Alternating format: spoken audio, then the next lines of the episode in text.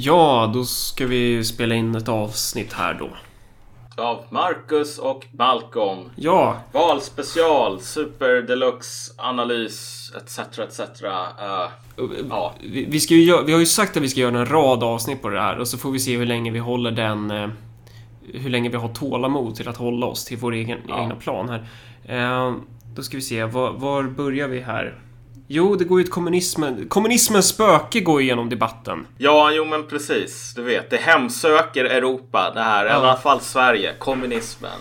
Och det är som Marx syrligt påpekade en gång i tiden att historien upprepar sig alltid först som tragedi sedan som fars. Och vi talar ju självklart om det här med ehm, de senaste turerna kring Vänsterpartiets, vad är det, andre vice talman eller vad det nu är. Ja, de håller på att kasta sand på varann i riksdagen. Eh, Ja. så, och, och nu har ju då Vänsterpartiet presenterat en kandidat och som har brutit mot praxis och alla politiska experter är överlyckliga för de förstår vad som händer. Eh, och det som har hänt är ju då att Vänsterpartiet har nominerat en talmanskandidat typ. Eh, och då, nu, nu så är det massa personer som är ja, men primärt lagda åt högerhållet då som håller på och bajsar på sig i sociala medier över att Vänsterpartiet har nominerat en Ja men de har nominerat Beria, typ. Eller Beria, hur uttalar man det? Jag vet inte, jag tror att det är Beria. Beria, ja. Nej men, men... Ja men en, en, en blodig dödsstalinist liksom. Så. Ja men det här ser man ju jättemycket just nu. Eh, det här med VPK, kommunisterna, F- Moskva-trogna, bla bla bla bla bla. Det här är eh, bla bla, det är så himla hemskt. Det här är verkligen totalitärt arv, Ja. etc etc. Det tredje och det fjärde. Alltså, det är så här. Det är verkligen, för att låna ett sånt här uttryck som så kallade 20-åriga zoomers använder när de är ute på 4chan. Det här är cringe. Ja, det är det fan. Och det, och det påminner också, när jag var i Mali, så eh, vistas man med högt uppsatta politiker som är jävligt seriösa. De, de går omkring i kostym trots att det är 45 grader varmt. Bara det är ju beundransvärt. Och sen när det är dags att äta, då sätter sig de här personerna på golvet och geggar med händerna i en gemensam bunke med ris och klägg istället för att äta med bestick. Och då kände jag så här, vad fan håller de på med? Exakt den känslan får jag när personer som jag respekterar och som typ har en bra liksom, intellektuell skärpa i övrigt bara nedlåter sig till att kladda med händerna på det här sättet. Det är fan pinsamt dålig analys där alltså. Ja, och det som är ännu mer pin här Ja. är ju att nu tvingas ju vi hamna i en position där vi på något plan nästan måste försvara Vänsterpartiet. Alltså sorry, jag menar varken du eller jag är några större fan av V som folk kanske har upptäckt. Men så här, rätt ska fan i mig vara Nej, rätt. vi borde uttrycka så här. Vi hamnar i en situation där vi måste försvara kommunismen gentemot att befläckas med eh, liksom Vänsterpartiet. Denna Ja. riksorganisation för elallergiker och idioter. Ja, ja, nej men alltså jag ser det som att försvara Vänsterpartiet från den här anklagelsen om att de skulle hålla på med någon seriös politik. Exakt, exakt. Alltså det är väl ingenting som någon där vill bli, Nej. bli förknippad med. Så jag tycker att vi, vi behöver sätta the record straight som man säger i Amerika här. Alltså sorry, om du går igång på, du vet att den här personen gick med när V hette VPK och du vet man var Moskva-trogna och det ena med det andra och med det fjärde så här. Bara sluta. Vi är inte totalitära kommunister. De är inte stalinister. De är inte maoister. De håller inte på och hyllar Pol Pot eller tänker att det här är någonting vi ska återgå till. Um, och jag tycker man kan illustrera det här med ett ganska bra exempel. Och det illustrerar också varför alla människor på högen måste hålla på med det här och hålla på och kasta sand på V just nu. Det är så här. Tänk dig att Lenin bara reste sig från sitt mausoleum och bara sa ah, det här var en bra tupplur. Nu ska jag åka till Sverige och se vad mina vänner, kommunisterna i VPK, håller på med. Håller de på och kämpar för, du vet, den, den eh, proletariatets diktatur och bla bla bla. Så här. Det måste de ju göra, för det är ju V. De är kommunister. Och så hoppade Lenin på tåget och så åkte han över och så träffade han Jonas Ja, Sjöstedt. framförallt så är han ju väldigt hoppfull för han kan ju läsa massa analyser om att det är så. Ja, ja men exakt. På, vä på vägen "Jo, till Sverige. Thomas Gyer skriver att så här, ehm, VPK håller min, min jävla fackla brinnande här. Så här. Ja men fan vad nice. Thomas Gyer är ju en intelligent person. Han håller inte på och överdriver. Så här. Det vet ju jag eftersom jag är Lenin och jag vet allt. Så här, som om Thomas Gyer säger det. Fan vad jävla imponerad jag kommer att bli. När jag ser V. Vad de håller på med. Eh, Det finns två problem här för Lenin. För det första. Han skulle inte bli så jävla imponerad av V. För det andra. Om man fick en audiens med eh, liksom, eh, eh, partisekreterare eller liksom så här högste Sovjetens ordförande Jonas Eh, eh, Sjöstedt. Ivanovic Sjöstedt. Mm. Eh, det är så här, vad Jonas Sjöstedt skulle säga när han såg Lenin gå in i den här socialistiska katedralen som är Vänsterpartiets högkvarter. Det är så här, vet du vad Lenin? Jag insåg just en sak när jag såg dig. Jag insåg att jag har mer gemensamt med förre statsministern Fredrik Reinfeldt politiskt, åsiktsmässigt, värderingsmässigt, synsätt på världen. Och har jag mer gemensamt. Va? Och frisyrmässigt. Ja, det dels det liksom. Fast det har ju Lenin också. Fan, det, det gick ju inte. Ja, ja, ja. Ja, men alltså, men Lenin har i alla fall eh, eh, no, hår någonstans på huvudet. Det Ja. vill säga en fin mustasch. Eh, Pipskägg. men Sjöstedt skulle faktiskt säga, och han skulle vara helt ärlig, men sorry, vet du vad? Eh, Thomas Gyer sa att du och jag var bästisar, men nu när du står här mitt framför ögonen på mig så inser jag så här att jag är mer kompis med Fredrik Reinfeldt än vad jag är med dig. Och det stora problemet, och det här är också anledningen till att alla de här människorna måste hålla på och veva om VPK idag. Det är att de fucking Bismarck eller någon sån här högerledare från 1890-talet reste sig från graven. Och gick in och bara sa Hej Reinfeldt, du är ju höger. Du har hållit den blå, mörkblåa fanan högt medan jag har legat och sovit, eller hur? Eh, då skulle Reinfeldt säga, vet du vad, sorry, alltså du är ju höger och jag är höger, men jag insåg just en sak. Jag har mer gemensamt, inte bara frisyrmässigt, utan åsiktsmässigt, värderingsmässigt, perspektivmässigt. Vad jag har med Jonas Sjöstedt än vad jag har med dig, Bismarck eller random så här vänster, högerpartiledare från... Liknande svar skulle ju komma även om Bismarck gick till SD. Så. Att det är liksom... Poängen är ju att de här jävla idealtyperna som man vill använda sig av för att pressa in Vänsterpartiet, eller för den delen Sverigedemokraterna om man är vänsterlagd. Eh, det handlar ju om fetischer. Ja, ja. Nej, men alltså jag tror att liksom här ska vi, fair ska vara fair. Jag tror att det som gör SD så skrämmande är väl att, och, och visst, åtta klövern i all ära, finns massor med sånt också. Men grejen, SD är ju är ju inte mer höger på det sättet som Reinfeldt var höger, utan SD är ju mer konservativa. Och i den bemärkelsen så skulle nog Bismarck ha mer gemensamt med Åkesson än vad han skulle ha med Reinfeldt. Eh, och det är ju det som gör det är det som verkligen orsakar de här, mycket av de här känslorna av rädsla inom resten av högern Okej. för SD. Okej, men samtidigt så finns det ju en... Eh, om vi tittar i min filterbubbla. Så här, jag, Ja. jag har det förflutet inom Vänsterpartiet.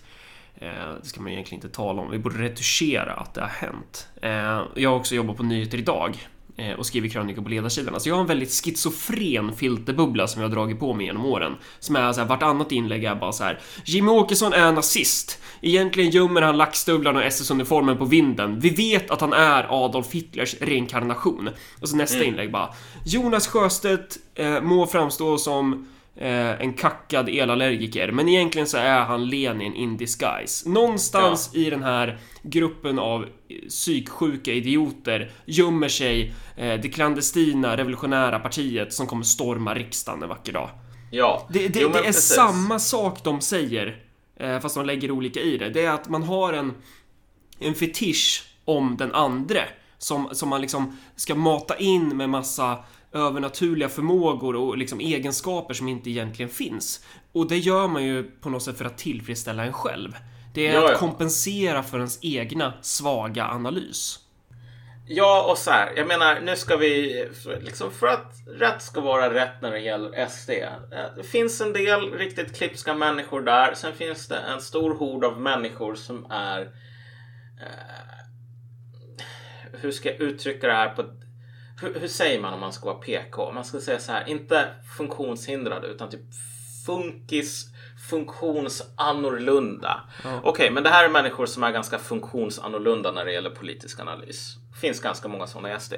Så att, men samtidigt så finns det ju en aspekt Även de klipska människorna håller ju på sådär. Och det tror jag att en stor del av anledningen är att man vill ge tillbaks till, med samma mynt. Man fattar ju att folk bara, ja ah, men vet du vad, Sjöstedt är Hitler, okej. Eller vad säger jag? Åkesson är Hitler. Ja men då kan vi hålla på och slå på kastrullen om att Sjöstedt är ehm, eh, eh, eh, eh, typ Lenin och Stalin och Mao och Pol Pot i en och samma kropp. Bara inte för att man köper hela det där argumentet utan för att det här är bara massor med oljud och skrän som gör attackerna mot det egna hållet mindre verksamma. Mm. Och det tror Det är jag som funkar i två dagisbarn som liksom ska försöka överrusta varandra. Att den Ja. ena skriker och sen försöker den andra bara skrika högre, gärna i varandras öron. Så, så beter sig min filterbubbla. Ja men så är det ju självklart. Och jag menar visst, det här är ju, det här är ju politisk judo 101.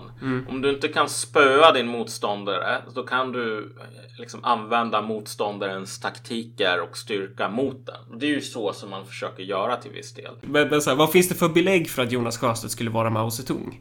Eh, jo, det, det finns en skrivning i principprogrammet som handlar om att man vill avskaffa Skriver man det uttryckligen? Men det är någonting man vill avskaffa det privat, privata ägandet och sen ska det övergå till det gemensamma. Om man var någorlunda seriös marxist så hade man ju tittat på den där skrivningen och bara suckat. Och sen hade man skallat den identitetspolitikern som prompt ville ha med den där skrivningen. För det är exakt vad det handlar om. Vi har det förflutet i Ung Vänster och vi tillhörde också den fraktionen som tyckte att det var jätteviktigt att kommunismen prompt skulle stå i principprogrammet. För att om kommunismen inte står uttryckligen i, i principprogrammet, då kan man ju inte vara kommunister. Det måste också stå på pappret att så här, hej, vi är här för vi ska göra revolution. För annars kan man ju inte kalla sig revolutionär. Och det är vad det handlar om. Eh, och då får man skilja på en formell nivå och en praktisk nivå. För att så här, om, om du frågar en politiker idag, är du demokrat? Då kommer politikern säga ja. Om du frågar så här, okej men skulle du vilja ha bindande folkomröstningar? Då skulle politikern svara nej, i, i helvete heller. Och så skulle politikerns handlingar tala sitt tydliga språk. Vänsterpartiet är ju i praktiken inte kommunister, även om de så skulle skriva på pappret att de är det. Så är de inte det. Ja men så är det ju självklart. Men sen så här angående mitt långsökta exempel med Bismarck och Lenin och allt det där. Jag menar om du tvivlar på att det här faktiskt skulle hända i det här alternativa universumet. Jag menar sorry men Annie Lööf och Jonas Sjöstedt har kampanjat ihop. De åkte ju runt på någon turné och så skulle de hålla på, du vet. Hålla Debattera. på och lekbrottas. Ungefär som kattungar håller på och ligger i bakhåll på varandra. Och så sa de bara, jo men vi kommer jättebra överens egentligen. Eh, kommer man fucking överens med en massmördande kambodjan och en sån här georgier som älskar att typ kommentera på folk som får sina fingernaglar utdragna i Gulag. Bara, nej. Om det vore så att man verkligen trodde på att okej, eh, det här verkligen är Lenin. Sorry.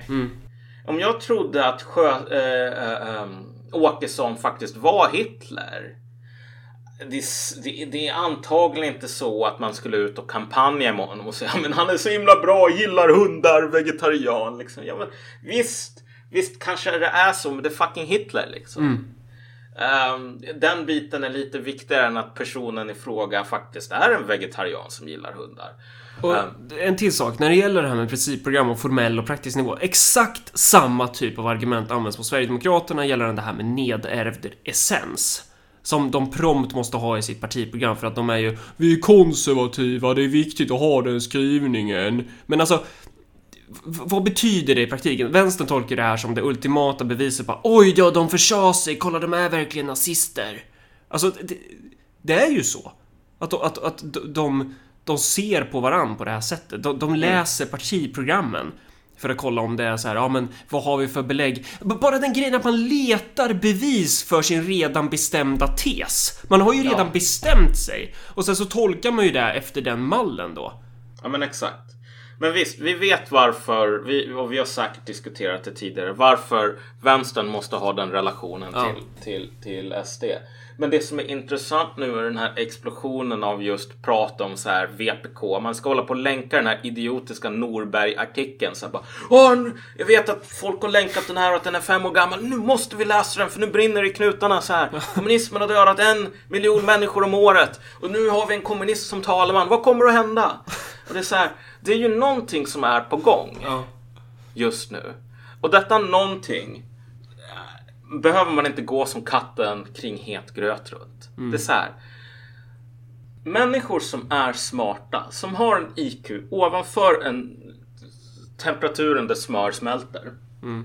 Som överlag har balanserade analyser rent politiskt. Håller just nu på och pratar och liksom skanderar om det här VPK, kommunismen, historiska brott och så vidare. De kommer framförallt från högern. Låt mig komma med en riktigt jävla sjuk hypotes här. Kan det ha att göra så att man vänder gadden utåt? Man stirrar på den här bekväma fienden, nidbilden, på andra sidan staketet. För att det är så att man närmare hemmet har enorma problem inom högern. Hmm, vad händer om vi öppnar tidningen? Kommer vi att ertappas med så här senaste skriverien om att fucking alliansen håller på att falla sönder? Så här, om att partierna inte kan komma överens om någonting. Inte ens den grundläggande synen på världen. Mm. Ja, men ta mig fan om det inte är så att ingen kan komma överens om någonting. Inte ens hur man ser på världen och vad ord betyder. Och alliansen håller på att falla sönder. Det är så här, visst, alla fattar ju på något plan att vänstern håller på och snackar om SD och typ nazismen och så vidare. Därför att vänstern har massor med problem angående såna här saker som Ja, men vilken klass representerar man? Hur hanterar man till exempel att inga arbetare nästan ser det är särskilt intressant att rösta på någonting vänster om sossarna? Att de här människorna är totalt irrelevanta utanför fucking midsommarkransen av alla områden. Säg inte fucking så mycket. För det blir... Ja, men- Ja, tänk på det bara. Förlåt. Ja. Ehm, Det är helt Det- okej att svära, men du måste variera dig. Ja, ja, ja. Men du, det här är... Jag har autism. Vi autister kan inte variera oss. All right. så här. Det jag har läst i en bok någonstans. Ja. Hur som. Nej men, du vet. Det, det faktum att ett parti som Vänsterpartiet Kommunisterna eh, har sin största väljarbas i midsommarkransen är någonting som inte riktigt passar in i de ideologiska förutfattade analyserna och meningarna som man har om vad Vänsterpartiet borde vara stort. Det här orsakar massor med problem. Därför så vänder man sig ofta till att hålla på och säga, ja men vet du vad, om vi bara kallar SD nazister, då kommer vi inte behöva diskutera alla de här enorma problemen som vi har. Samma sak gäller mer och mer för högern idag. Och så här, vi kan ju bara diskutera lite kort var den här djupa sprickan går egentligen.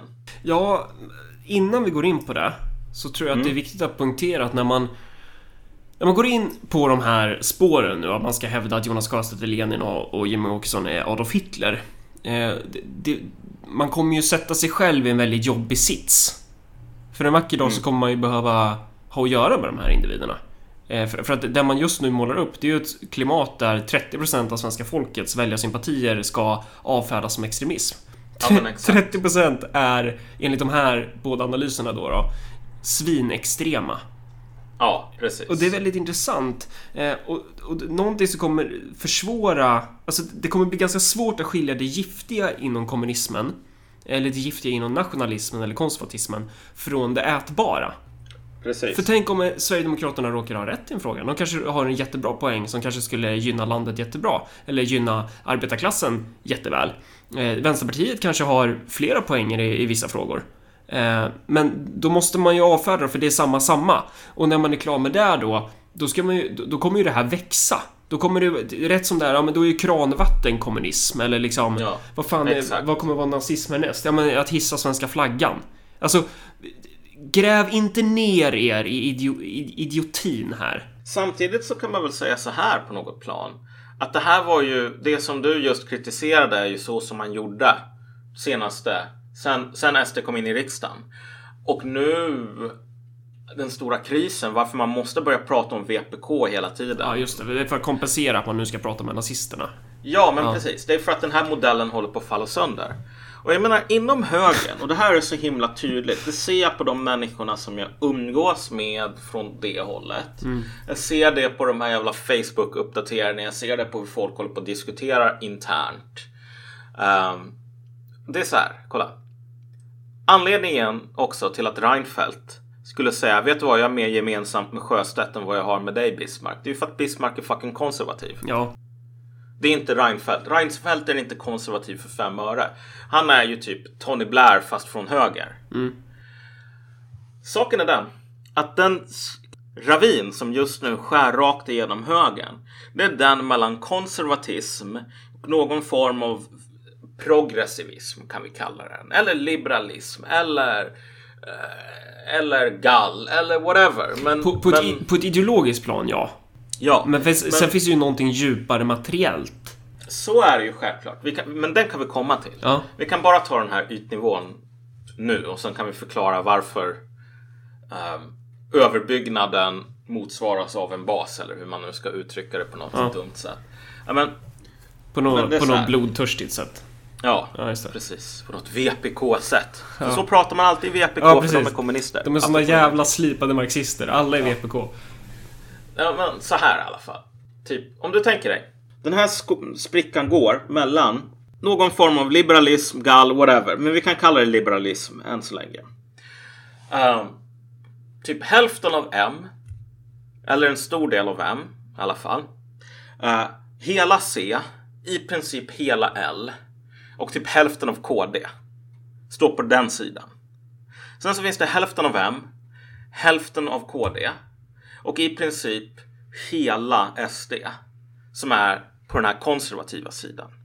Problemet är att alltså bara i hur man ser på människan så kan man inte jämka sig. Alltså, man har inte ett gemensamt språk inom citat högern, slutcitat.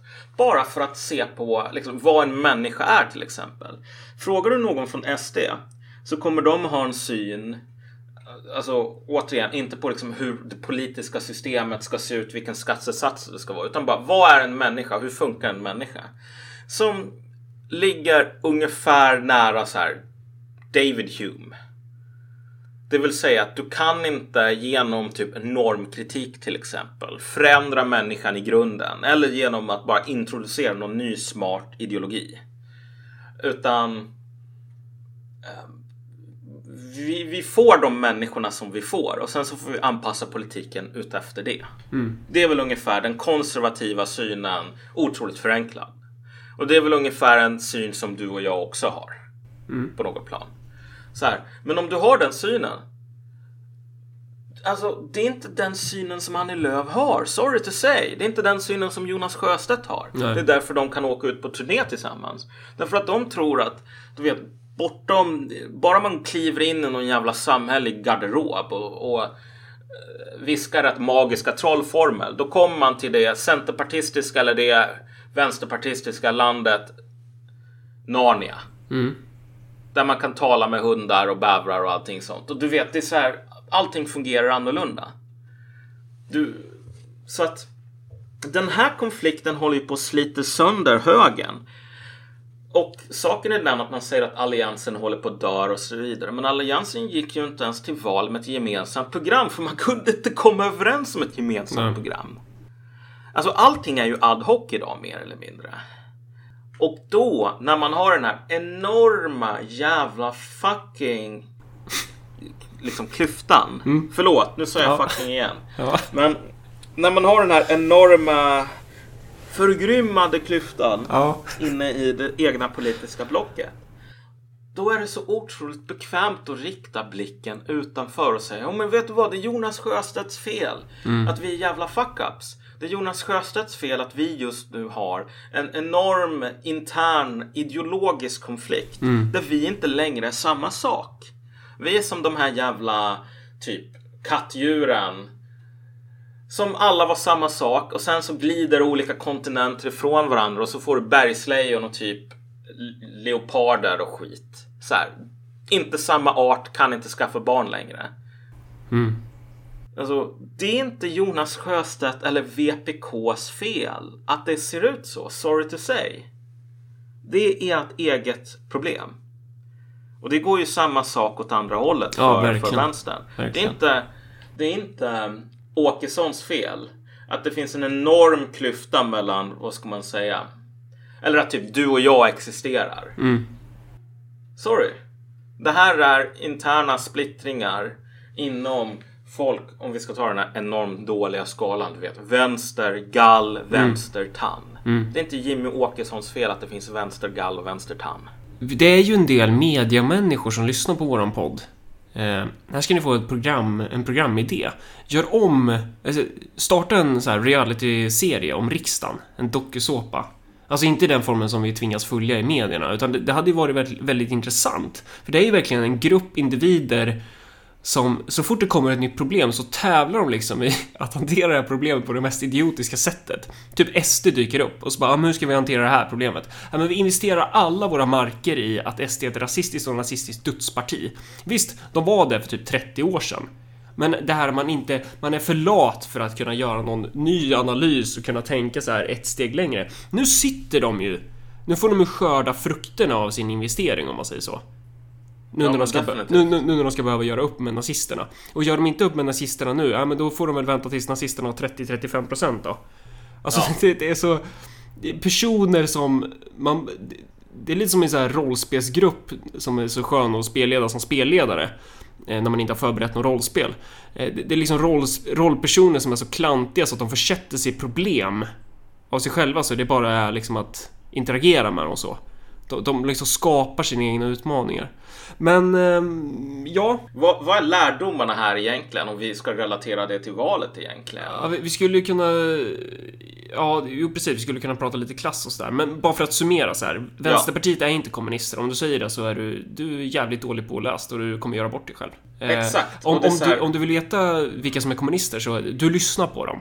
Det är vi som gör de här poddarna som du tycker om. Det är vi som skriver krönikor och analyser som du gillar. Det är vi som är de här som du tycker är vettiga. Trots! Trots att de är marxist. Vi är kommunister. Jo men exakt, och kolla, det här är ju... Och, jag menar inte det här med liksom tuta i mitt eget sovjetiska valthorn här. Men så här, samma människor som ofta håller på och länkar Ja, vet du vad, VPK, bla bla bla, liksom, kommunismens 100 miljoner dödade dinosaurier, bla bla bla sådär. Det är ju samma personer som håller på och typ länkar mig. Och nu kommer ju någon sån här sån här, den här bilden som jag håller på att skicka till dig. Liksom, nivå 100 av vänstersnubbe kommer säga. Ja men vet du vad, det är för att du också är nazist. Okej okay, Okej, fine. Nu har du sagt det. Uh, men...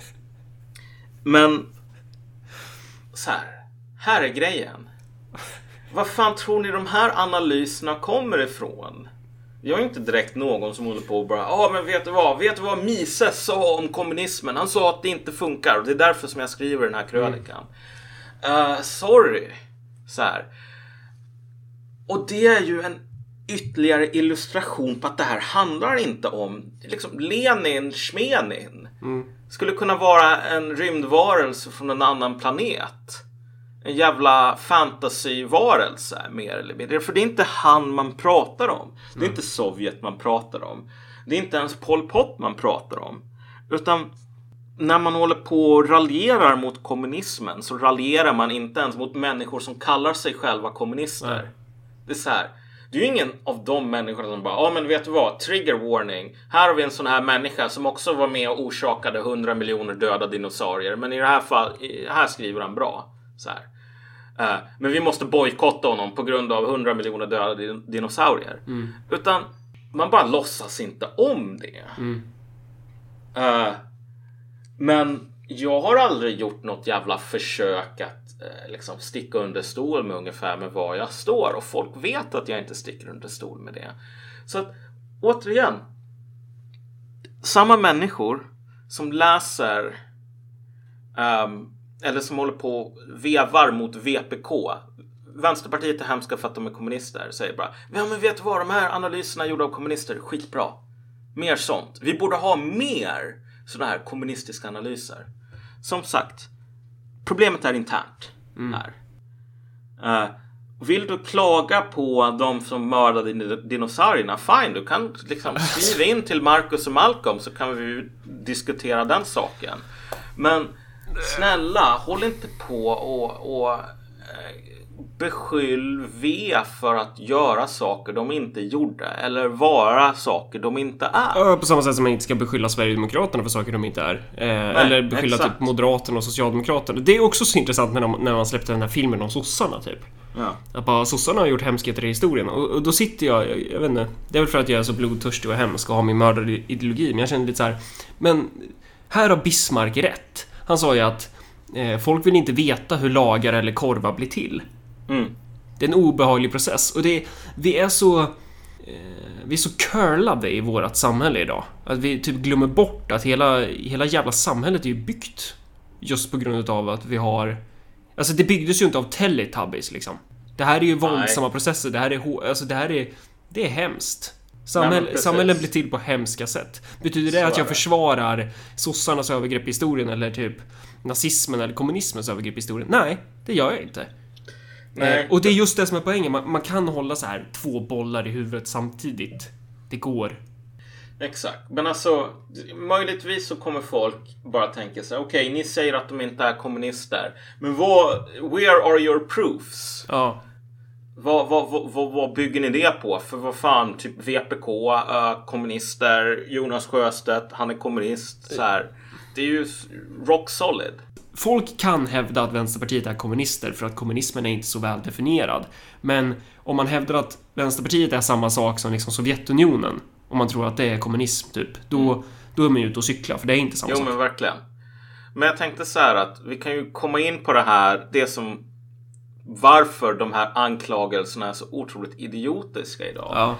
Ehm, och du tog ju upp det här med att man kan inte hålla på och jämföra med Sovjetunionen. Okej, men varför inte då? Jo, därför att tänk dig vilken klassbas vi har. Det säger, i alla fall om man nu ska utgå ifrån någon sorts marxistisk analys, säger ju det ganska mycket om vad ett parti är för någonting. Eh, och nu är det bara så här. V blir inte störst i något sånt här knegarområden där folk håller på och går till varvet eller till gruvan eller något sånt på morgonen. Inget det där liksom. Jag åt min gröt och kysste kärringen. Den här Ja, Dan Berglund. precis. Uh, mördades fria arbetarrepublik. Mördades det republik, ja. Precis. Det är inte den sortens personer som röstar på V utan det är människor som bor i Midsommarkransen. Mm. Det är så här, i Midsommarkransen så fick väl V typ 26 procent. Något sådant. Så här. ehm, och här är en av de stora läxorna som man kan dra från valet. Som jag inte har sett någon kommentera på faktiskt. Jag har sett människor som verkligen gör sig själva dummare än vad de egentligen är Mm.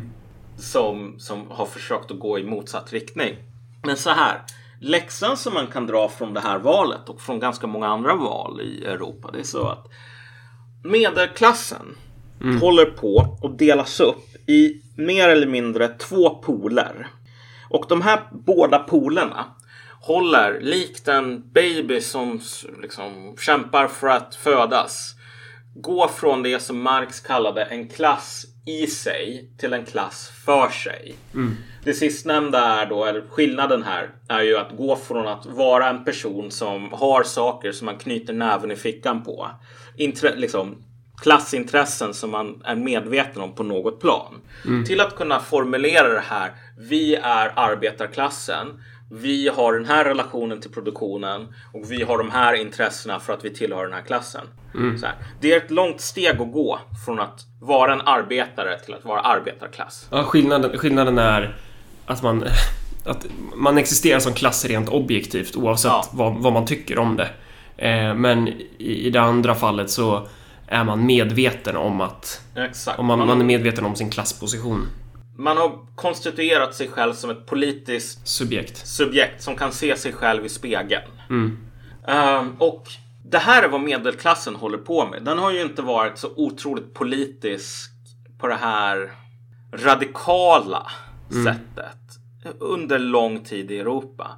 Utan i Europa så har vi länge haft den här, ett socialt kontrakt som mer eller mindre går ut på eh, välfärden kommer att funka. Du kommer att kunna tjäna mer pengar än vad dina föräldrar gjorde. Lönen kommer att gå upp i takt med produktionen. Och om du vill hålla på och engagera dig politiskt, fine. Men alltså helst skulle vi se att du inte gör det och planerar på att göra en bostadskarriär och vart du ska åka på semester någonstans. Så har dealen varit i Sverige ganska länge. Den dealen har ju kollapsat från två olika håll. Produktionen kanske fortfarande går upp, men alltså um, lönerna gör inte det. Välfärden håller på att gå i kras. Och här har du... Det här är fortfarande en teori måste jag ju vara tydlig med. Liksom. Så gå, gå inte på för höga växlar. Men så här. Om man ser till typ med som fenomen och sen ser man också till vilka som röstar på V. Så tror jag att vi kan spåna, spå, eh, se konturerna här av två riktningar egentligen. Du har dels de här människorna som hoppas du vet som gamla såna här studenter i kejsar, liksom, kejsardömet Österrike eller någonting. Du har de här stora byråkratiska maskinerna. Och så har du människor, de är inte arbetare. De är studenter. Och hela deras, vad ska man säga, livhanke beror på att de faktiskt kan få bli tjänstemän i den här stora imperieapparaten. Och det här innebär alltså att när imperieapparaten skär ner till exempel. Då blir de här studenterna ofta otroligt militanta. Mer militanta än arbetarna. Mm. Det är inte så att studenterna är fattigare. Alltså de har inte mycket pengar men de kommer inte från fattiga familjer utan de kommer från så här medelklassfamiljer. Men helt plötsligt så stängs dörren i ansiktet på dem. Det här hände ju runt 1848. En annan grej som kan få de här människorna att gå igång. Det är till exempel om du har ett så här etniskt segregerat um, sånt här, en byråkrati. Du har typ österrikare, styr över massor med länder. Bara österrikare får bli um, tjänstemän. Eh, om du bara säger, nej men vet du vad, det här är liksom ineffektivt. Det finns massor med, massor med smarta kroatier och italienare. De kan ju också hamna i den här maskinen. Då kan du få kravaller av samma anledning. Därför att de här människorna har ett materiellt intresse, inte i rasism, utan att så här, de måste ju få klara brödfödan. Ja. Och så här, om du är en student idag och du hoppas kunna jobba i Bryssel. ehm, du har ju inget, alltså invandring är inte ett problem för dig. Den här sortens ekonomiska omställningar som vi ser idag. Fler och fler loser-män i avfolkningsorter. Det är inte heller ett problem för dig. Du genomsnittligen så är du en ung kvinna. Tvärtom kanske det är asnice, för det kanske Ja. var någon av de där jobbiga hockeykillarna på gymnasiet som man kan sitta och raljera över i sin podd sen. Ja, man kan raljera över dem. och Man kan försvara att alltså, det ska inte transfereras några resurser till de här hockeykillarna därför att de är, du vet, misogyna och dumma. Resurserna ska gå till mig. Subventionerna ska gå till mig. Och så här, genom historien så har du haft massor med exempel på så här klassiska högimperieekonomier som mer eller mindre ser ut så här att du har ett par städer, typ London. London är asrikt. Människor från hela världen samlas i London. Um, och du vet, varor från hela världen samlas i London. Och så bor en multikulturell grupp, uh, inte apputvecklare, men så här koloniala administratörer, artister och liknande. Uh, och det spelar inte så stor roll om folk spälter på Indiens landsbygd eller om hela Irland är en total katastrof. Irland finns till för att du vet, ta fram stekarna som de här människorna i London kommer att käka varje dag. Ehm, och i USA idag så har du så att ekonomin typ, om du bor på någon kust, det är jättenice. Kalifornien, San Francisco, New York, allt det där, skitballt. Resten av landet håller på att bli ett jävla socialt ekonomiskt avlopp. Eh, Det finns massor med, speciellt unga, speciellt kvinnor, som säger jag vill bli en jävla funktionär. Jag vill bli en del av kadern. Och Vänsterpartiet, och Vänsterpartiet är inte ensamma där. Eh, Centern kör ju precis på samma grej.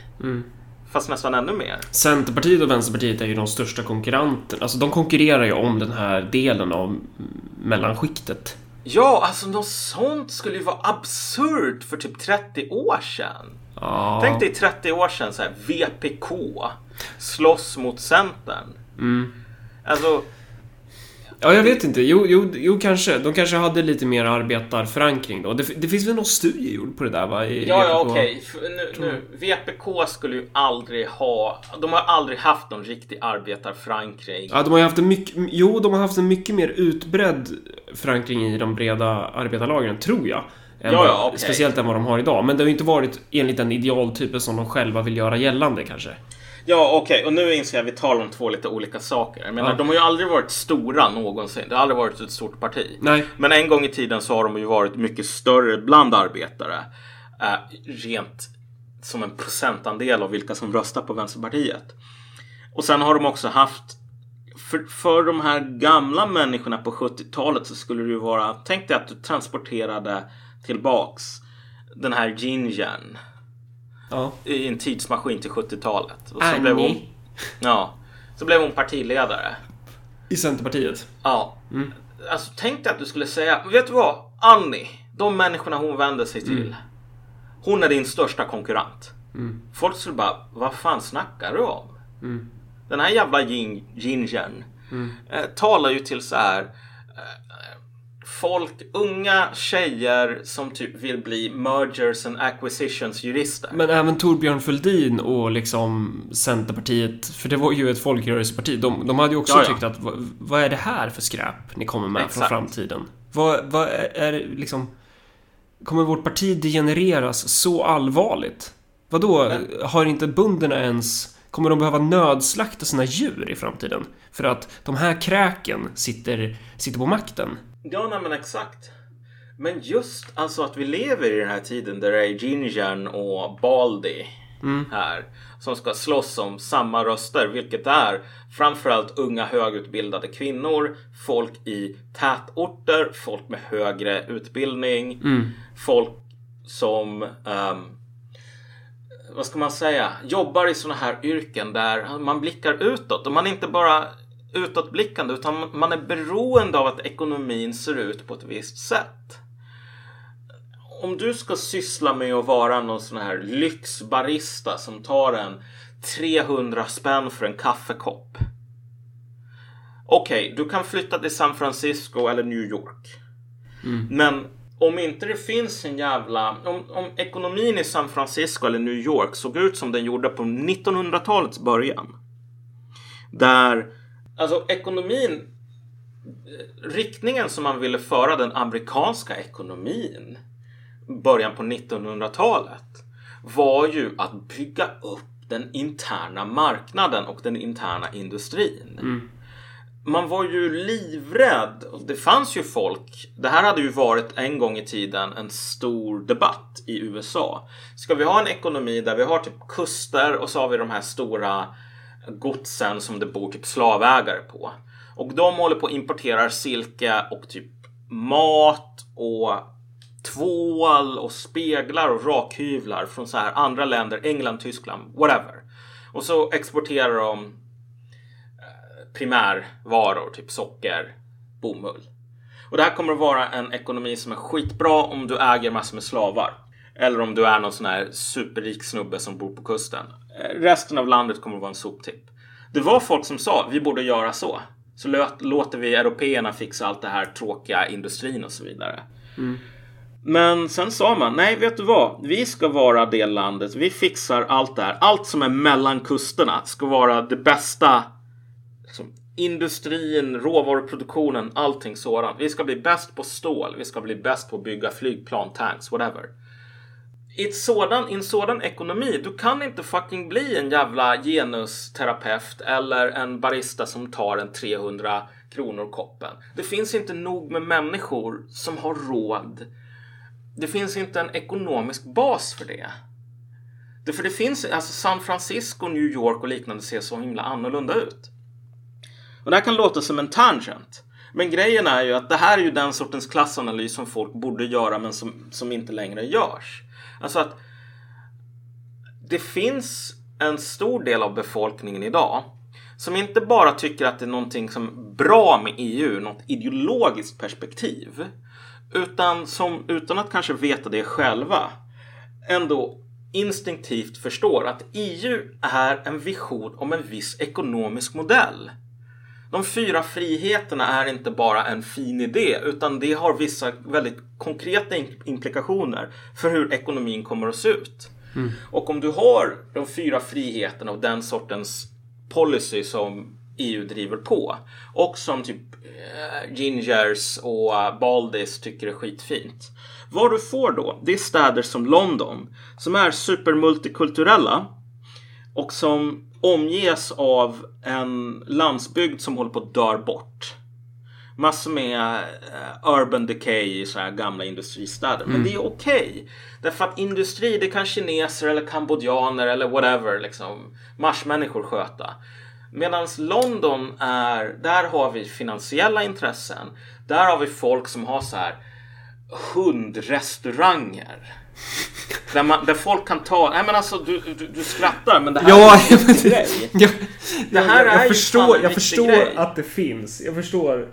Läs fucking typ DN Stockholm ja. någon gång. Och det kommer att vara så här. Nu är det den här nya grejen som kommer till Stockholm. Typ en restaurang som bara hundar får gå på. 300 spänn för en varmrätt. Mm. Du tror att jag skämtar men alltså så här, Nej jag tror inte att du skämtar. Är... Det, det, är det, som är, det, är det, som, det är därför jag skrattar. Att det är så här. Ja. Ja, men, men, det är så jävla om, du är en, liksom. om du är en hundkrögare ja. så måste du ha en ekonomi som är raka motsatsen till det gamla sosse-Sverige. Det fanns inga fucking hundkrövare, hund, hundkrögare i sosse-Sverige. Därför att den sociala ekonomiska bas som har hundar och som har den sortens ideologi och pengar i plånboken så att de kan lägga eh, alla de här pengarna på självförverkligande i att bjuda hunden på restaurang. De finns inte. Mm. Alltså Micke Wallenberg och hans polare är inte nog av en social bas. Du behöver en, en övre medelklass för det här. För poängen med de här alltså industrimagnaterna är att det finns typ en hundra pers i hela landet i det gamla sosse-Sverige. Men om vi då tittar på Centerpartiet och Vänsterpartiet så är ja. ju, de konkurrerar ju om den här klassen. Exakt. Eh, och Centerpartiet är, gör ju det på ett mycket mer självmedvetet sätt. Ja. Ett exempel på det är ju deras migrationspolitik. De, ja, de vill ha en väldigt generös migrationspolitik, säger de. Och med det menar de att det ska vara väldigt lätt att komma till Sverige. Men samtidigt så vill de ju sänka bidragen för invandrare. Man vill ju, ja. man vill ju inte ta ansvar då för sitt mottagande utan det ska ju bara vara så här, ja men eh, låt gå, bara rycka på axlarna. Eh, och så, för det, det, det, finns inget eh, man ser inte problemet i det där riktigt för att de personer som man värnar om de har ju kanske till och med ett materiellt intresse av att få billigare rutavdrag eller rotavdrag eller så. Ja, ja men exakt. Så är det ju. Och, och det, det, roliga... Ja, nej, fortsätt. Ja, och, och Vänsterpartiet... De konkurrerar ju med Centerpartiet om det här, men Vänsterpartiet har inte... Eh, de gör ju på många sätt... Gans, alltså de konkurrerar ganska bra. Det är väl bara det att de inte har blivit lika självmedvetna om det än. Utan de upprätthåller ju fortfarande den här fasaden eh, om att de är någonting som de i praktiken inte är. Ja, nej men exakt. Och jag menar val resultatet här illustrerar det på ganska många sätt tycker jag. Fi kollapsade ju. Mm. De förlorade ju mer än 2% V gick fram en 2% Så en stor del av Fi-väljarna gick ju tillbaks till V. Mm. Jag menar, tänk dig vad Gudrun Schyman sa angående såna här saker som socialism och liknande som partiledare. Gudrun var en god soldat en gång i tiden, men just för att hon var en god soldat en gång i tiden så kunde hon göra den här intellektuella övergången. Fis position var, vi är ju typ vänster ungefär. Men vi tror inte på socialism, för det är typ manligt. Och det är också bara massor med historiskt bråte. Utan vi tror på bra saker och så tycker vi att det är dåligt med dåliga saker. Och sen så kommer vi säkert att hamna i, tillsammans med Vänsterpartiet när det gäller bra saker. Men de tycker dåliga saker som vi inte kommer att hamna tillsammans med. Fi var ju ett utpräglat klassparti för kvinnor inom medelklassen som skulle Exakt. göra karriär. Det är ju... Alltså man tog aldrig riktigt det steget till att säga vi är ett utpräglat klassparti. Nej. Men vad man gjorde var ju att alltså, kasta ut all den här gamla bråten, vilket är du vet, vi, det, det är borgarna. Det är så här. Det, det, det, det, vi, vi, vi står för arbetarrörelsen, vi är V. Alltså det, det gjorde man ju sig av med för man fattade att så här. Det här är ju eh, någon form av hanrejande om man ska använda det som verb. Sorry. De här rika kvinnorna eh, mitt i karriären vill inte och behöver inte hålla på och låtsas som att du vet, det är Bosse busschaufför de slåss för. Det, det, det är inte framtidsrecept. Sen så kollapsar ju de av andra anledningar. Dels för att det är ett så här inkompetent parti. Men nu kommer de människorna tillbaks till V. Men just att de har kommit från ett parti som bara sagt, vet du vad, fucking socialism, det är old news. Liksom. Glöm det här med Bosse busschaufför. Bosse busschaufför är antagligen rasist och sexist. Eh, Forget him. Det visar ju på något plan var åsnan sitter och var kärran sitter i det här orsakssammanbandet. Sen har man ju olika retoriska förpackningar på sin politik. Så att Centerpartiet, även fast de vill importera ett låglöneproletariat i Sverige eh, och syssla med extrem lönedumpning och bara förstöra välfärdsstaten i dess fundament, så kallar man ju det humanism. Ja. Det är och jag- godhet. Och Vänsterpartiet, alltså när Linda Snecker, Vänsterpartiets riksdagsledamot, när hon fifflar med föräldraförsäkringen, ja men då är det feminism. Eh, när Rosanna Dinamarca flyger upp 700 000 skattekronor, ja men det är ju det också. Det handlar ju om att man hatar henne som rasifierad och kvinna och sådär. Ja. Att man använder ju de här etiketterna eh, som ett försvar för att göra karriär och för att stärka sina egna positioner. Ja, och jag menar det, den här liknelsen till byråkratin i, i Österrike och att den kan bli så här extremt radikal. Hålla på och snacka om att vi ska skjuta kejsaren och vi ska beväpna oss och vi ska typ döda alla snutar vi ser. Medan typ det kommer så här krukmakare och byggarbetare och bara "Äh, vad håller ni på med? Bara, Nej men fattar du inte? Det ska bli revolution. Bara Okej, varför då? Så här, du vet. Det var liksom verkligen den dynamiken. De här krukmakarna, de var ju bara sura för att de inte äh, äh, hade nog med pengar till mat. Men här är grejen. Det var fattiga, fattig urban arbetarklass. Så det, det är så här. Typ alla fattade ju, nej de här människorna har inte råd med mat och det är så som världen funkar. Men när, när studenterna drabbades, de som skulle hamna i den här enorma byråkratin, då var det verkligen de som ledde gatustriderna. Och så här, i Sverige idag, vi kan bara ta ett kontemporärt exempel om du bara tänker att herregud, varför ska man göra referenser till 1848? Det är bara massor med döda vita män. Okej, men så här. Tänk dig att du pluggar genus. Du är genusvetare. Om du bor i Ungern idag, sorry. Du får jobba på McDonalds. Det går inte att få jobb i Ungern som genusvetare i princip. Därför att i Ungern så har man sagt att det här med genusvetenskap, okej, du får du får syssla med det om du vill. Men vi kommer inte att lägga ner massor med skattepengar för vi tycker att det här är du vet, judiskt nonsens eller något sånt. Om en regering säger så. Du får syssla med det här om du vill. Men glöm att vi ska transferera massor med resurser till ditt lilla skrå. Då är du fucked. Din jävla utbildning som skulle ge dig en, en plats i den här fina byråkratin. Ja. Den är värdelös. Ehm, Och det där går ju igen på massa alltså, mellanskiktsgrupper som, som riskerar att proletariseras. Till exempel journalister. Journalister Exakt. de etablerade mediekanalerna är ju verkligen där.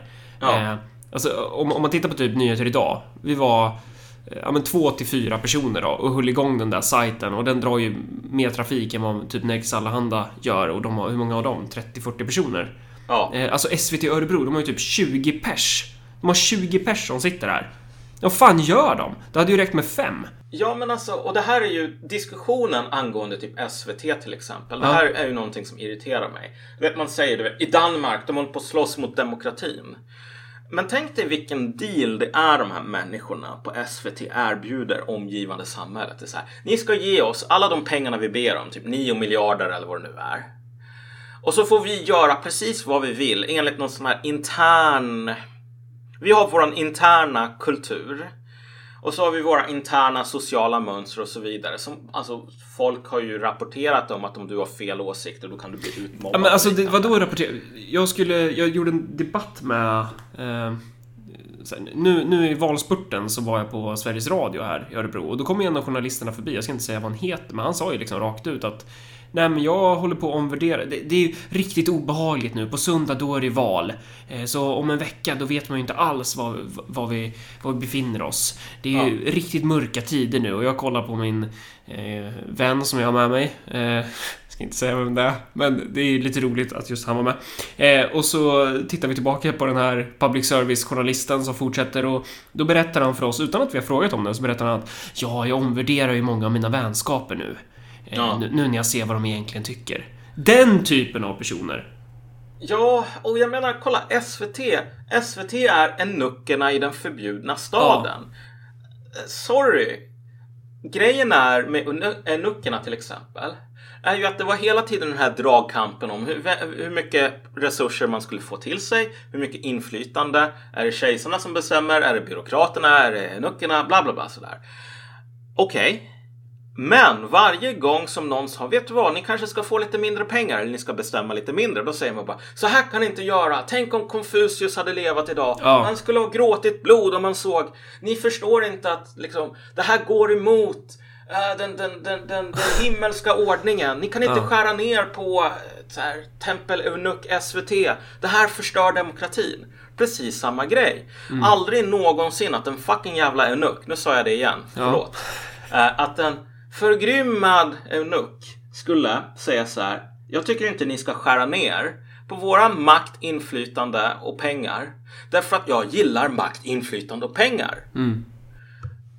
Och ingen journalist på SVT kommer att säga jag vill inte att det som i Danmark sker här. Därför att då kommer jag få sparken. Och jag kommer antagligen ha svårt att hitta ett nytt jobb.